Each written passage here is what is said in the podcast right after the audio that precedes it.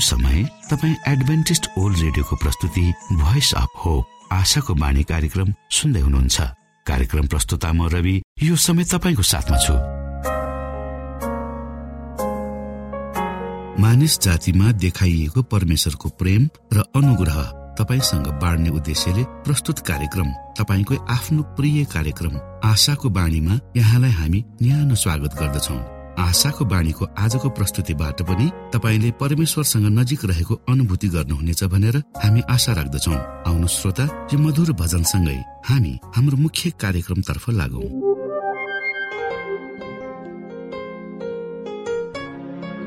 मेरो मायालाई तिमीले शङ्खामा डबायो तर प्लिज मेरो मायालाई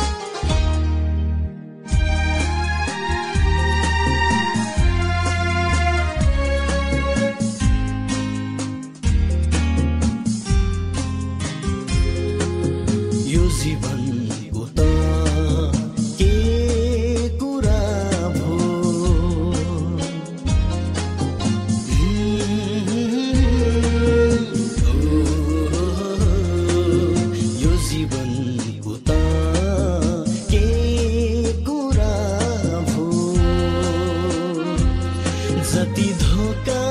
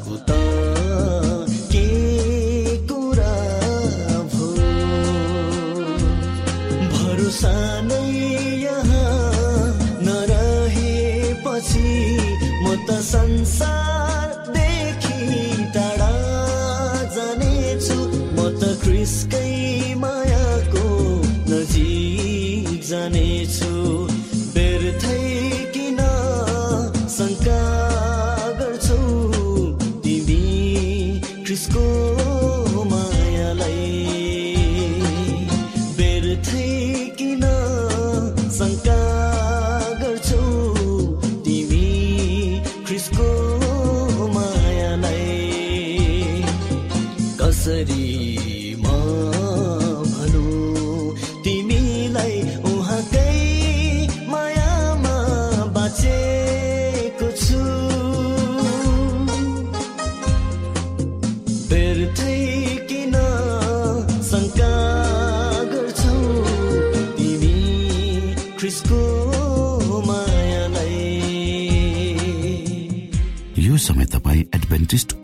रेडियोको प्रस्तुति भोइस अफ होप आशाको बाणी कार्यक्रम सुन्दै हुनुहुन्छ। श्रोता मित्र यो समय हामी पास्टर उमेश पोखरेलबाट आजको बाइबल सन्देश सुन्नेछौ।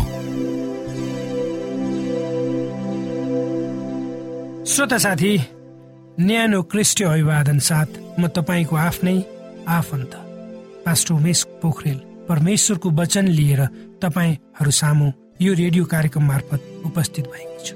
मलाई आशा छ श्रोता तपाईँले यो कार्यक्रमलाई दिन प्रतिदिन सुन्दै हुनुहुन्छ। यदि सुन्नु भएको छैन भने कृपया गरेर सुन्ने बानी बसाल्नुहोस् आफ्नो समय निकाल्नुहोस् र केही समय परमेश्वरसँग तपाईँ हामी सँगसँगै बिताउँ। आउनुहोस् आजको प्रस्तुतिलाई सुरु गर्नुभन्दा पहिले म परमेश्वरमा अगुवाईको लागि प्रार्थना राख्छु। जीवी जिउँदो महान दयालु परमेश्वर प्रभु यीशु हामी धन्यवादी छौँ। यो जीवन र जीवनमा दिनुभएको प्रशस्त आशिषहरूको लागि। त्योभन्दा बेसी प्रभु हामी धन्यवादी छौँ। तपाईँको पुत्र प्रभु यीशु क्रिस उहाँको प्रेम र बलिदानको लागि। प्रभु यो रेडियो कार्यक्रमलाई हामी तपाईँको हातमा राख्दछौँ। यसलाई तपाईँको राज्य महिमाको प्रचारको खातिर यो देश र सारा संसारका कुना कुनामा पुर्याउनुहोस्। प्रभु ज जसले तपाईँको विषयमा सुनेका छैनन् तिनीहरूलाई तपाईँको विषयमा सुनाउनुहोस्। सबै बिन्ती प्रभु यीशुको नाममा। आमेन।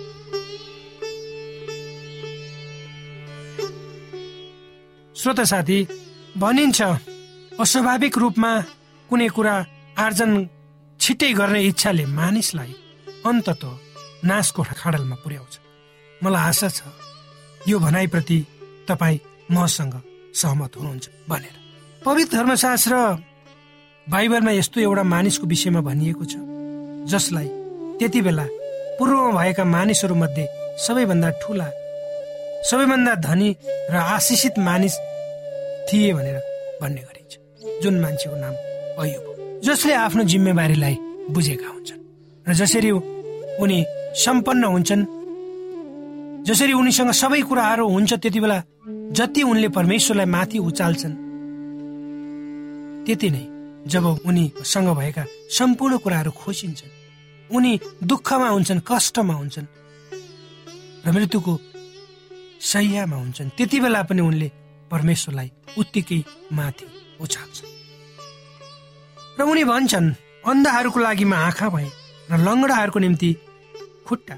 दरिद्रको लागि म बाबु झै थिएँ र विदेशीको पक्षमा म मुद्दामा खडा हुन्थेँ हो श्रोता यी ऐबले भनेका कुराहरू।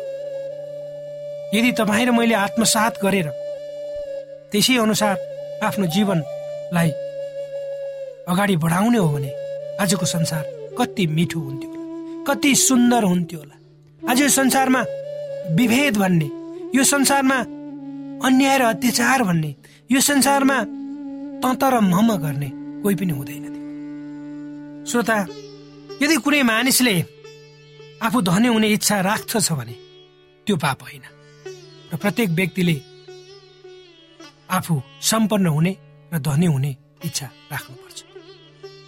तर जब मानिस सम्पन्न हुन्छ त्यसबाट आउन सक्ने आत्मिक विचलन चिसोपनदेखि ऊ सचेत रहनुपर्छ। किनकि धनु हुनु भनेको पाप होइन। संसारले जहिले पनि छिट्टै धनी हुने योजनाहरू ल्याउँछ र मानिसहरू लगानी गर्छ। र त्यस अनुसार प्रतिफल छिट्टै प्राप्त गर्ने इच्छा पनि राख्छ। र त्यो स्वाभाविक प्रक्रिया पनि हो। कुनै कुराको लगानी प्रतिफल प्राप्त गर्ने अभिप्रायले गरिन्छ त्यस कुरामा। पवित्र धर्मशास्त्र बाइबल सकारात्मक रहेको पाइन्छ।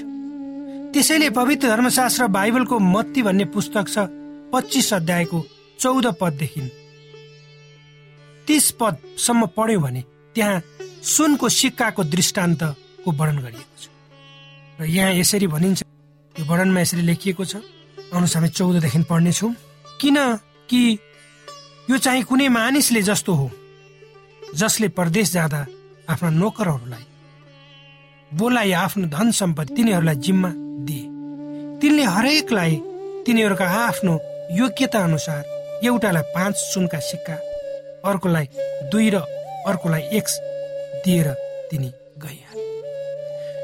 तब पाँच सिक्का पाउनेले तुरुन्तै गएर त्यो व्यापारमा लगायो र अझ पाँच सिक्का कमायो। त्यसरी नै दुई सिक्का पाउनेले अझ दुई कमायो। तर एक सिक्का पाउनेले गएर भुइँमा खनेर आफ्नो मालिकको धनलाई लुकाए। धेरै दिनपछि ती नोकरका मालिक आए र तिनले तिनीहरूसँग हिसाब मागे। तब पाँच सिक्का पाउनेले पाउने नोकरले अरू पाँच सिक्का ल्यायो र मैले तपाईँले दिनुभएका पाँच सिक्काबाट पाँच सिक्का कमाए भनेर भन्यो। मालिकले त्यसलाई स्याबासी दिए र भने असल नोकर त थोरै कुरामा विश्वासी भइस। अब म तँलाई धेरै कुरामा धेरै कुराको जिम्मेवारी दिन्छु। त आफ्नो मालिक खुसीमा सहभागी हो। दुई सिक्का पाउनेले पनि दुई बेसी कमाएर आफ्नो मालिक कहाँ ल्यायो र उसलाई मालिकले स्याबासी दिए? र ठुलो कुराको जिम्मेवारी म तँलाई दिनेछु भनेर आफ्नो खुसीमा सहभागी गराए। तर श्रोता एक सिक्का पाउने नोकरले आएर भन्यो हजुर नरोपेको जग्गाबाट कटनी गर्ने ननिफनेको ठाउँबाट बटुल्ने तपाईँ कठोर मानिस हुनुहुन्छ भन्ने मलाई थाहा थियो। त्यसैले मलाई डर लाग्यो र गएर तपाईँको सिक्का मैले माटो मुनि लुकाइराखेँ। हेर्नुहोस् यो तपाईँको सिक्का लिनुहोस्। त्यसका मालिकले त्यसलाई जवाफ दिए। त्यसका मालिक तोसँग रिसाए र भने ए दुष्ट अल्छे नोकर नरोपेको ठाउँमा कटनी गर्छु र ननिफनेको ठाउँबाट बटुल्छु भनेर तैँले जानेको थिइस् भने तैँले मेरो धन साउकामा राख्नु पर्ने थियो। र आएर मैले मेरो धन ब्याज समेत फिर्ता पाउने थिएँ। यसकारण त्यसबाट त्यो सिक्का ती मालिकले खोसे र जससँग दस सिक्का थियो त्यसलाई दिने गरे किनभने जससँग छ त्यसलाई अझ दिइनेछ र त्यससँग प्रशस्त हुनेछ। तर जससँग छैन त्यससँग भएको पनि त्यसबाट खोसिनेछ त्यस बेकम्बा नोकरलाई चाहिँ बाहिर अन्धकारमा फालिदियो। जो जहाँ मानिसहरू हुनेछन् र धारा किट्नेछन् भनेर ती मालिकले भने। पवित्र धर्मशास्त्र बाइबलमा स्पष्ट रूपमा भनिएको छ कुनै पनि व्यापारिक लगानी व्यवस्थित आर्थिक नीतिको आधारमा चल्नुपर्छ। जसबाट माग र आपूर्तिको तालमेल मिल्नुपर्छ मानव एउटा आइमाईले आफ्नो खेतमा आलु रोप्छिन् तब उनले उक्त आलु फलाउन कडा परिश्रम गर्छिन्। उत्पादित आलुबाट राम्रो पैसा प्राप्त होस् भन्ने उनले आशा राख्छिन्। उनले आफ्नो खेतमा रोपेको आलुमा कुनै रोग नलागोस् त्यसलाई चाहिने घाम पानी मल प्राप्त होस् र अन्तमा आफ्नो लगानी उठेर त्यसबाट अलिकति नाफा होस्। त्यही नै सही नाफा होस् भनेर इच्छा गर्छन् र त्यही नै सही लगानी पछाडिको सत्यता हो। श्रोत साथी परमेश्वरको राज्यको विषयमा पनि त्यही कुरा लागू हुन्छ। तपाईँ र मलाई दिएको जिम्मेवारी अर्थात् तपाईँ र म को योग्यता अनुसार हामीले कति पढेका छौँ हाम्रो क्षमता कति छ त्यसै अनुसार तपाईँ र मेरो काम हुन्छ। यो संसारमा हामीले काम गर्नुपर्छ जिउनको लागि त्यो दिएको जिम्मेवारीलाई तपाईँ र मैले प्रोडक्टिभ भनेको उत्पादक मूलक काममा लगाउँछु कि लगाउँदैन? त्यो दिएको कामलाई तपाईँ र मैले जसरी पहिलो र दोस्रो नोकरहरूले एउटाले पाँच सिक्काबाट पाँच कमायो भने अर्काले दुई सिक्काबाट दुई कमायो त्यसरी हामी फलाउँछौँ कि फलाउँदैनौँ? हाम्रो जीवनमा पनि त्यही नीति वा हाम्रो जीवनको प्रतिफल पनि त्यसरी नापिन्छ। के हामी त्यो एउटा नोकर जसले एउटा सिक्का पाएको थियो जसलाई उसले कुनै पनि व्यापारिक लगानीमा लगाएन र त्यसलाई के गर्यो? पुरेर राख्यो। हामी त्यो अवस्थामा त छैन। त्यसकारण बाइबलले हाम्रो जीवनको सम्पूर्ण पक्षहरूलाई सन्तुलित रूपमा कसरी अगाडि बढाउनु पर्छ त्यो कुरो सिकाएको छ हामीले जस्तो काम गर्छौँ त्यस्तै हामीले फल पाउँछौँ। यदि एउटा विद्यार्थीले। वर्ष दिनभरि पढ्नुपर्ने उसको कोर्स भनेको उसको पाठ्यक्रम छ। त्यसलाई दिन प्रतिदिन जति पढ्नु पर्ने हो त्यसलाई मेहनत गरेर पढ्छ भने। र त्यहाँ भएका सबै शब्द र अर्थको उत्तर उसले कण्ठ गर्छ भने जान्दछ भने।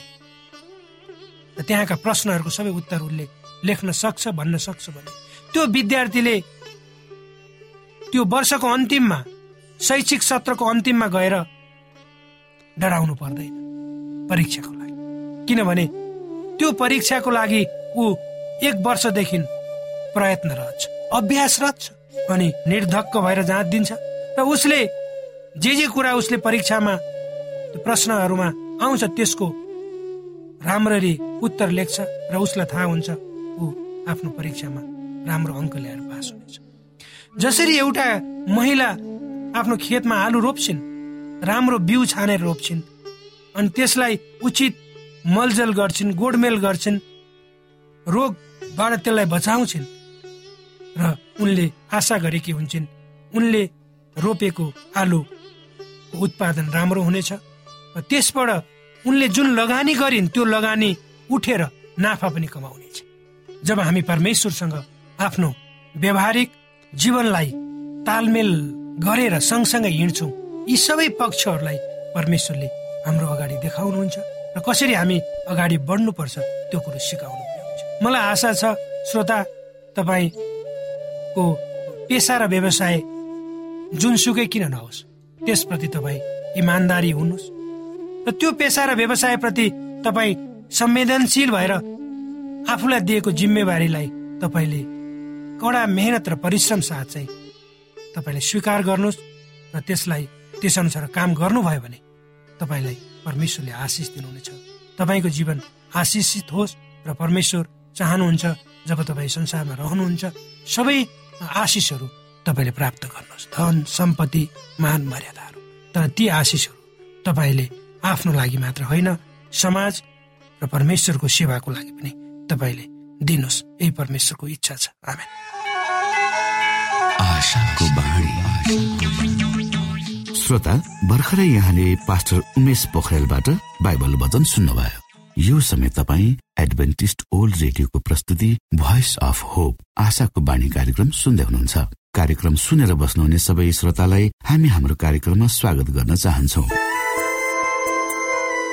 श्रोता मित्र यदि तपाईँ जीवनदेखि हरेस खानु भएको छ तपाईँका जीवनमा धेरै अनुत्तरित प्रश्नहरू छन् भने आउनुहोस् हामी तपाईँलाई परमेश्वरको ज्योतिमा डोहोर्याउन चाहन्छौँ र तपाईँ आफ्नो जीवनका चिन्ता फिक्रीबाट निश्चिन्त हुनुहोस् र बाँच्नुको आनन्द परमेश्वरको सामिप्यमा कति मिठो हुन्छ त्यो चाख्नुहोस् भनी हामी चाहन्छौँ। श्रोता यदि तपाईँ आशाको बाणी कार्यक्रमलाई अनलाइन सुन्न चाहनुहुन्छ वा डाउनलोड गर्न चाहनुहुन्छ भने डट ओआरजीमा जानुहोस्। त्यहाँ तपाईँले प्रत्येक दिनको कार्यक्रम सुन्न र डाउनलोड गर्न सक्नुहुनेछ।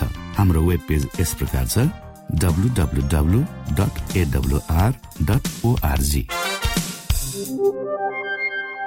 श्रोता यदि तपाईँ हामीसित सिधै फोनमा सम्पर्क गर्न चाहनुहुन्छ भने हाम्रा नम्बरहरू यस प्रकार छन्। अन्ठानब्बे एकसाठी पचपन्न शून्य एक सय बिस अन्ठानब्बे एकसाठी पचपन्न शून्य एक सय बिस र अर्को अन्ठानब्बे अठार त्रिपन्न पन्चानब्बे पचपन्न. अन्ठानब्बे अठार त्रिपन्न पन्चानब्बे पचपन्न. श्रोत साथी न्यानो अभिवादन साथ म पास्टर उमेश पोखरेल। समसामयिक जानकारी लिएर तपाईँहरूको बिचमा उपस्थित भएको छु। श्रोता आजको यो प्रस्तुति छ इन्टरनेटको प्रयोग।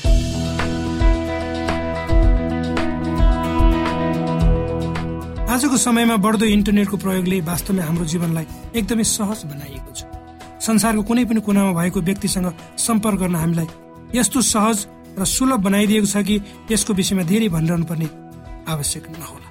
झन् अहिलेका युवा पुस्ता यस्ता कुरामा यति अगाडि छन् कि हामीले उनीहरूलाई यसको विषयमा धेरै सिकाइरहनु पर्दैन। बरु उनीहरूले हामीलाई सिकाउँछ वास्तवमा उनीहरूको यो समय भनेकै सिकारु अवस्था हो र त्यसमा पनि इन्टरनेट प्राय सबैको चासोको विषय बन्न कारण यसप्रति लगाव नराख्ने युवाहरू अहिलेको समयमा बिरलै पाइन्छ बढ्दो सामाजिक सञ्जालको प्रयोग विभिन्न वेबसाइट र एप्सहरूका कारण संसारलाई यति सानो बनाइदिएको छ कि सारा कुरा एउटै सानो मोबाइल फोनमा पठाउन सक्छ। साथी भाइको साथीहरू बीचमा सूचना आदान प्रदान गर्ने कुरो होस् वा विभिन्न घटना समाचार लगायतका कुराहरूमा एकअर्कामा बाँड्ने। यसले सशक्त भूमिका खेलेको पाइन्छ। साथी भाइहरूलाई एकअर्कासँग जोड्न चाहे भोइस कल होस् वा भिडियो कल अथवा च्याटिङले गर्दा साथीहरू विश्वको जुनसुकै कुनामा भए तापनि आफ्नो नजिक अगाडि भएको वाहन हामीलाई यसले गराउँछ। यी र यस्तै खालका विविध उपयोगिताका कारण यसलाई विज्ञानको धेरै ठुलो उपलब्धिको रूपमा लिन सकिन्छ। तर हरेक कुराको सकारात्मक र नकारात्मक पक्षहरू हुन्छन्। भन्ने कुरामा सायद कसैको दुई मत नहोला। हामीहरूले भर्खरै कुरा गरेको इन्टरनेटका जति फाइदाहरू छन् त्यत्तिकै बेफाइदाहरू पनि छन्। विशेष गरी यसले अहिलेका युवा पुस्ताहरूलाई नराम्रोसँग गाँजेको अथवा दास बनाएको भन्दा फरक नपर्ला। यसले कसैलाई पनि त्यत्तिकै बेफाइदा पुर्याउँदैन तर आफ्नो दैनिक जीवनमा यसलाई कसरी प्रयोग गर्न सकि गरिन्छ त्यसमा भर पर्छ। दिन रात सामाजिक सञ्जालमा व्यस्त रहन रुचाउने कतिपय मानिसहरूले अमान्य व्यवहार देखाउने गरेको कुरा बेला बेलामा पत्र पत्रिकामा आउने गरेको पाइन्छ।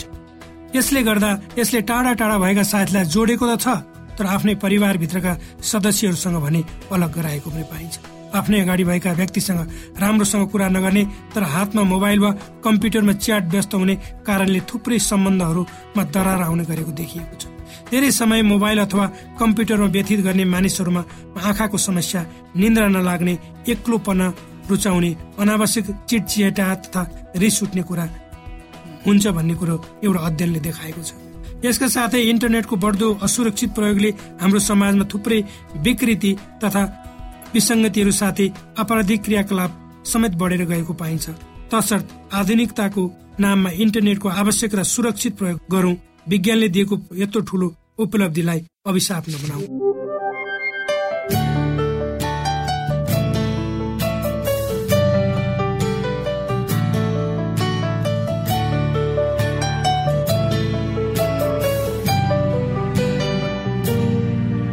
बाइबलले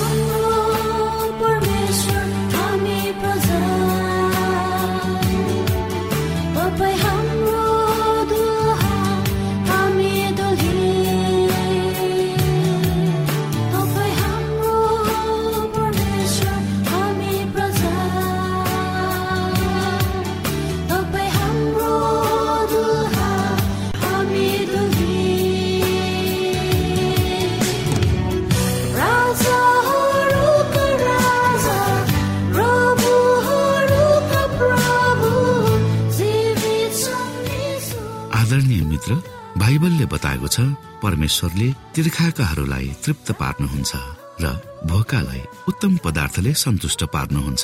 हामीलाई दिइएको यो छोटो समय आशाको बाणीको प्रस्तुतिको समयमा हामीले हाम्रा श्रोताको आत्मिक भोकलाई केही मात्रामा भए तापनि सही प्रकारको खुराक पस्केर आत्मिक सन्तुष्टि दिन सकेका छौँ केही ऊर्जा थप्न सकेका छौँ भनेर हामीले आशा राखेका छौँ। आफ्ना मनमा भएका केही दुविधा र शङ्काहरू छन् भने अवश्य हामीसँग बाँडेर शङ्काको निवारण गर्नुहुनेछ र सही प्रकारको बाटो पहिलाउन सक्नुहुनेछ परमेश्वरको सच्चाइले अझ राम्रो बुझ्न सक्नुहुनेछ र आफ्नो जीवनलाई परमेश्वरमा पूर्ण समर्पित भएर समर्पण सहितको जीवन बिताउन सक्नुहुनेछ भनेर आशा राख्दै अब हामी हाम्रो कार्यक्रम सकिएको जानकारी यहाँलाई गराउन चाहन्छौ। जानुभन्दा अगाडि श्रोता हामी यहाँलाई हाम्रो ठेगानाको विषयमा जानकारी गरौं।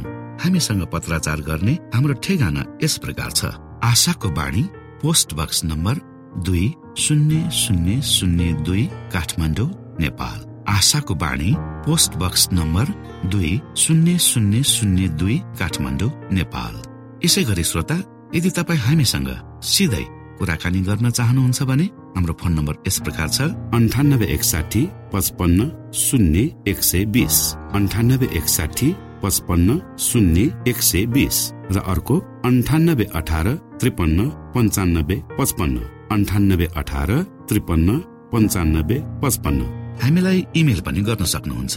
हाम्रो इमेल एड्रेस यस प्रकार छ Nepal at AWR dot org Nepal at AWR dot org यदि तपाईँ हामीलाई अनलाइन सुन्न चाहनुहुन्छ वा डाउनलोड गर्न चाहनुहुन्छ भने तपाईँ W W W dot AWR dot ओआरजीमा जानुहोस् र त्यहाँ तपाईँले हाम्रा सबै कार्यक्रमहरू सुन्न सक्नुहुनेछ।